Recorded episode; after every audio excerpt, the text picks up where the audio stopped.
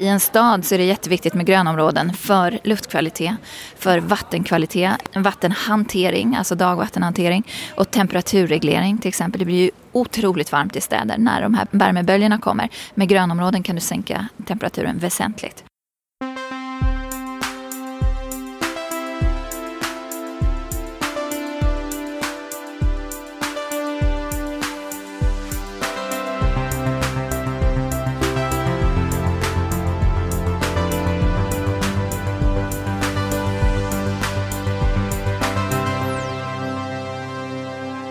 Biokol och eh, pimpsten. Hur djupt är det här? Det är bara som du ser. Ja. Ehm, så bäddarna får inte vara mer än 30 centimeter, vilket också är begränsande. Ehm, så det, det är ett helt meck med att få den här jorden eh, så pass, eh, vad ska man säga, eh, näringsrik och liksom klara att hålla växter men också inte bara blåsa iväg och sånt där. Och i den här biotopmattan, som, det här är liksom ett grönt tak som vi visar byggare. Vi får ju hit eh, de stora byggbolagen som kollar liksom på att hitta olika lösningar på ett ställe. Det är ju ganska tacksamt och det är det lite grann som är målsättningen. Att kunna accelerera utvecklingen framåt snabbt genom att visa många bra grejer på en yta. Och här har vi dagmask och grejer fast det är så här grunt. Och det är ju då för att vi har kvar eh, den här ängen, alltså gräsvålen hela säsongen.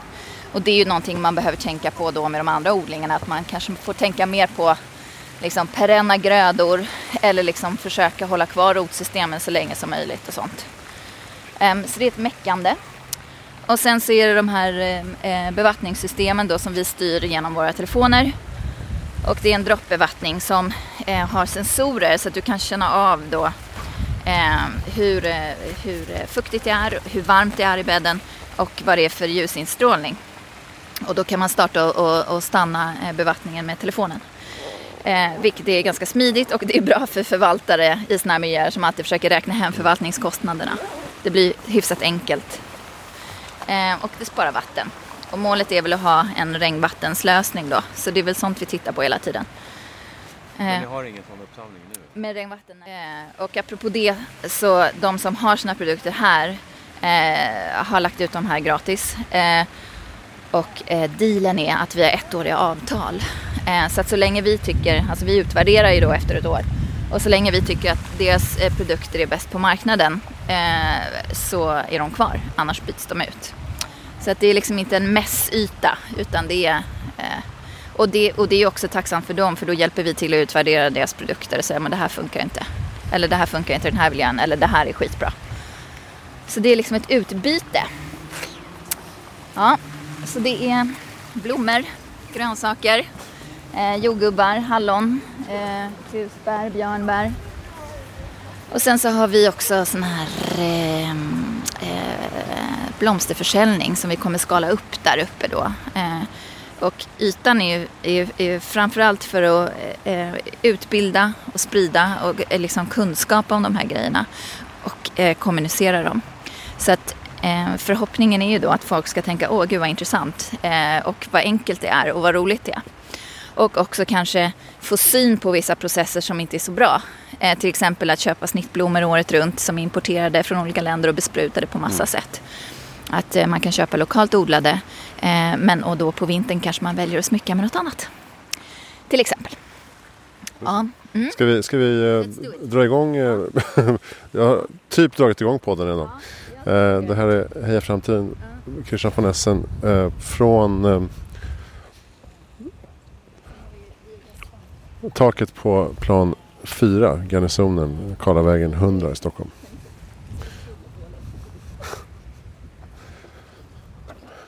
Jag stod här med Josefina Oddsberg som nu försvann.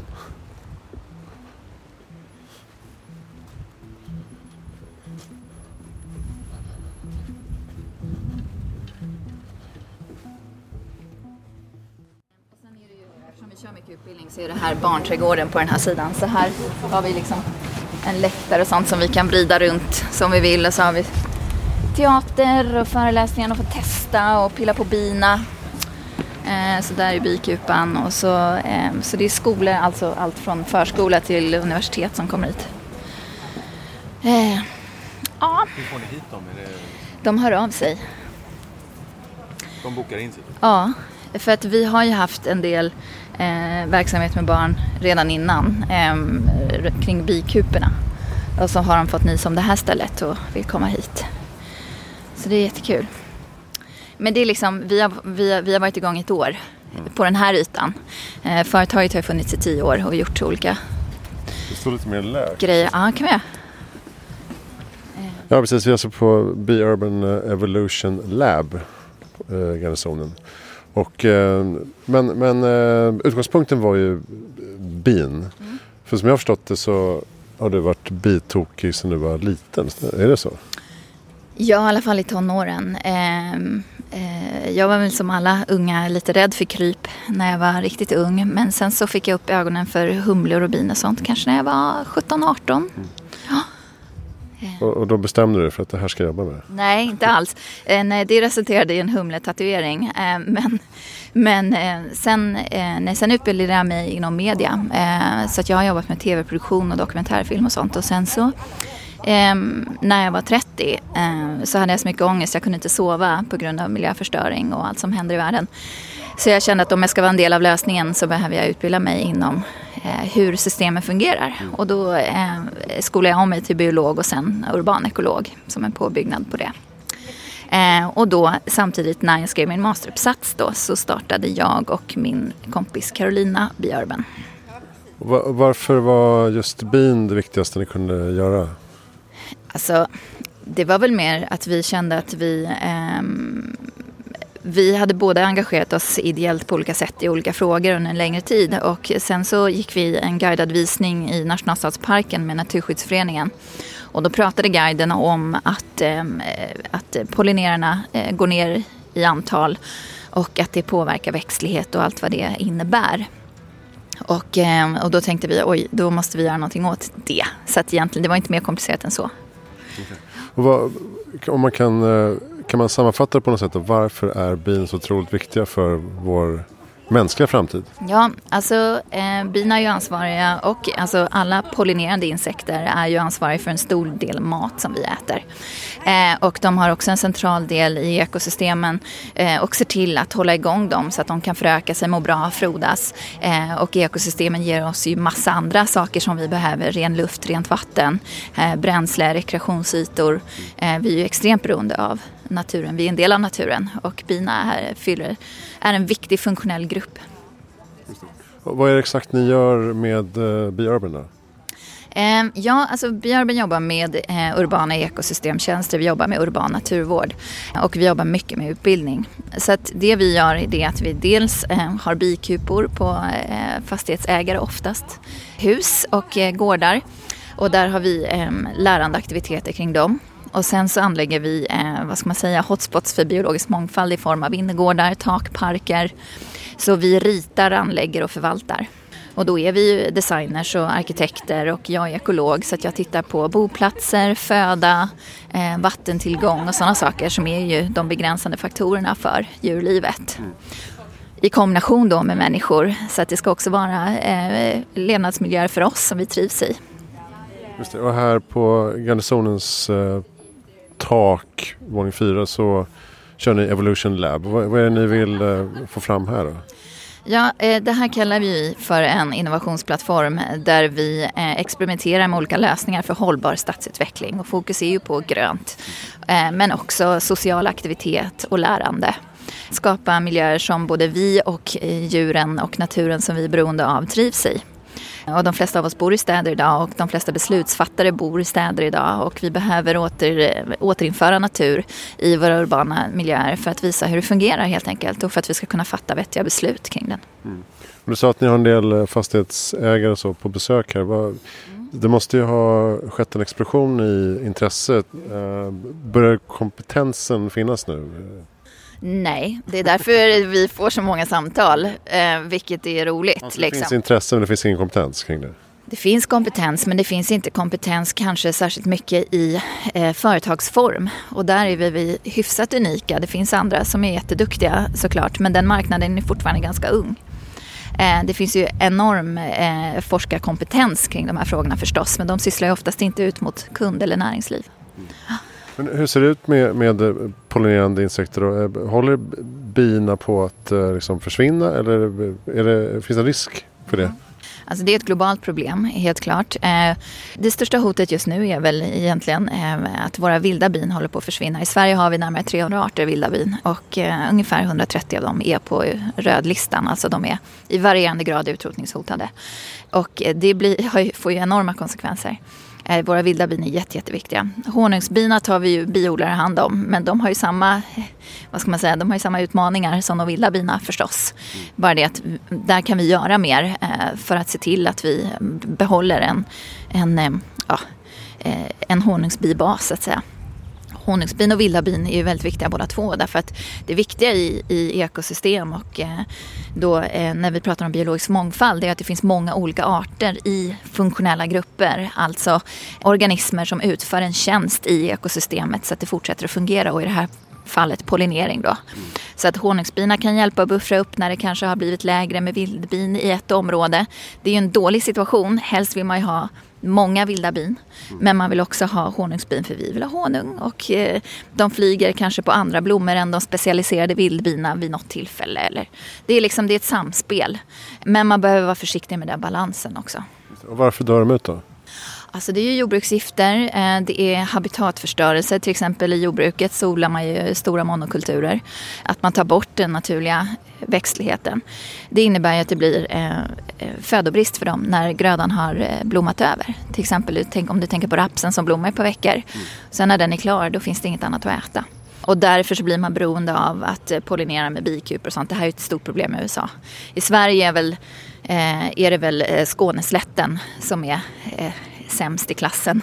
Där liksom att det är väldigt stora arealer med samma gröda. Men där har vi vårt projekt Blommor för bin där vi betalar lantbrukare för att så mat till bina eh, i åkerremsor, i skyddsremsorna kring åkrarna. Och det finns det ett jättestort intresse för hos lantbrukarna så det känns väldigt kul. Men där kan man göra många åtgärder för att det inte ska vara så. Men det är viktigt att man gör det. Vad kan man tänka på som privatperson och konsument eh, mm. kring de här frågorna? Ja, man kan ju tänka på att eh, äta mat som inte är besprutad.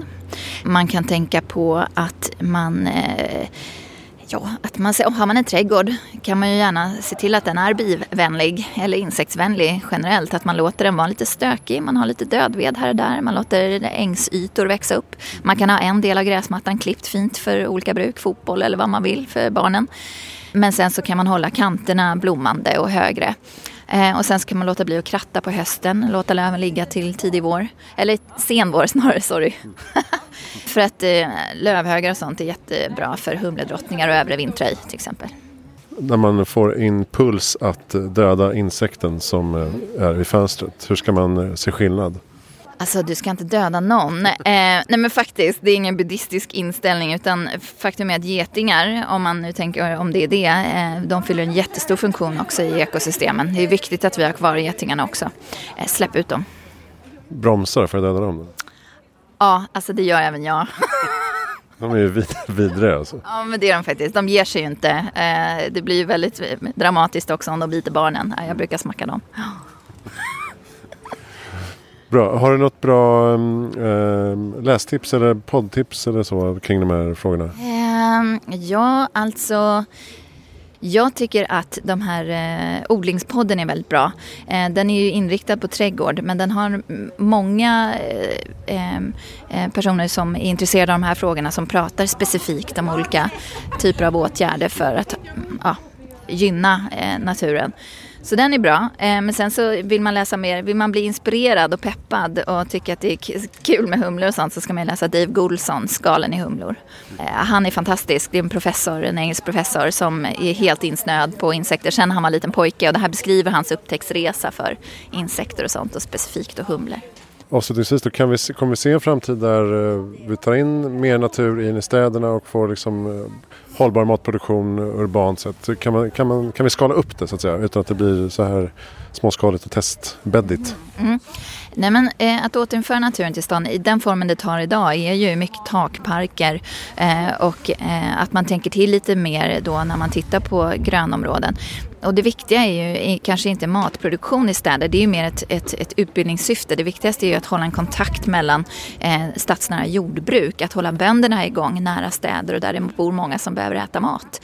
Men eh, i en stad så är det jätteviktigt med grönområden för luftkvalitet, för vattenkvalitet, vattenhantering, alltså dagvattenhantering och temperaturreglering till exempel. Det blir ju otroligt varmt i städer när de här värmeböljorna kommer. Med grönområden kan du sänka temperaturen väsentligt. Så det finns ju många fördelar med att ha grönområden och inte bara mat. Men eh, med maten behöver vi lära oss hur den produceras för att inte behandla eh, våra jordar, våra bönder eh, och maten som en, som en produkt som alltid finns där och, och eh, som en slit och slängprodukt egentligen. Det, det, det är något oerhört komplext och eh, fantastiskt faktiskt som vi behöver förstå bättre för att inte ja, behandla våra resurser som vi gör idag. Det fungerar inte i längden.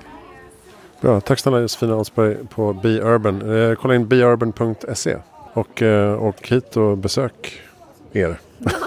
Hej så välkomna. Man kan boka studiebesök med klasser och eh, företagsgrupper och så vidare. Bra, där är Heja Framtiden. Kolla in hejaframtiden.se. Jag heter Christian von Tack för att du lyssnade. Hej.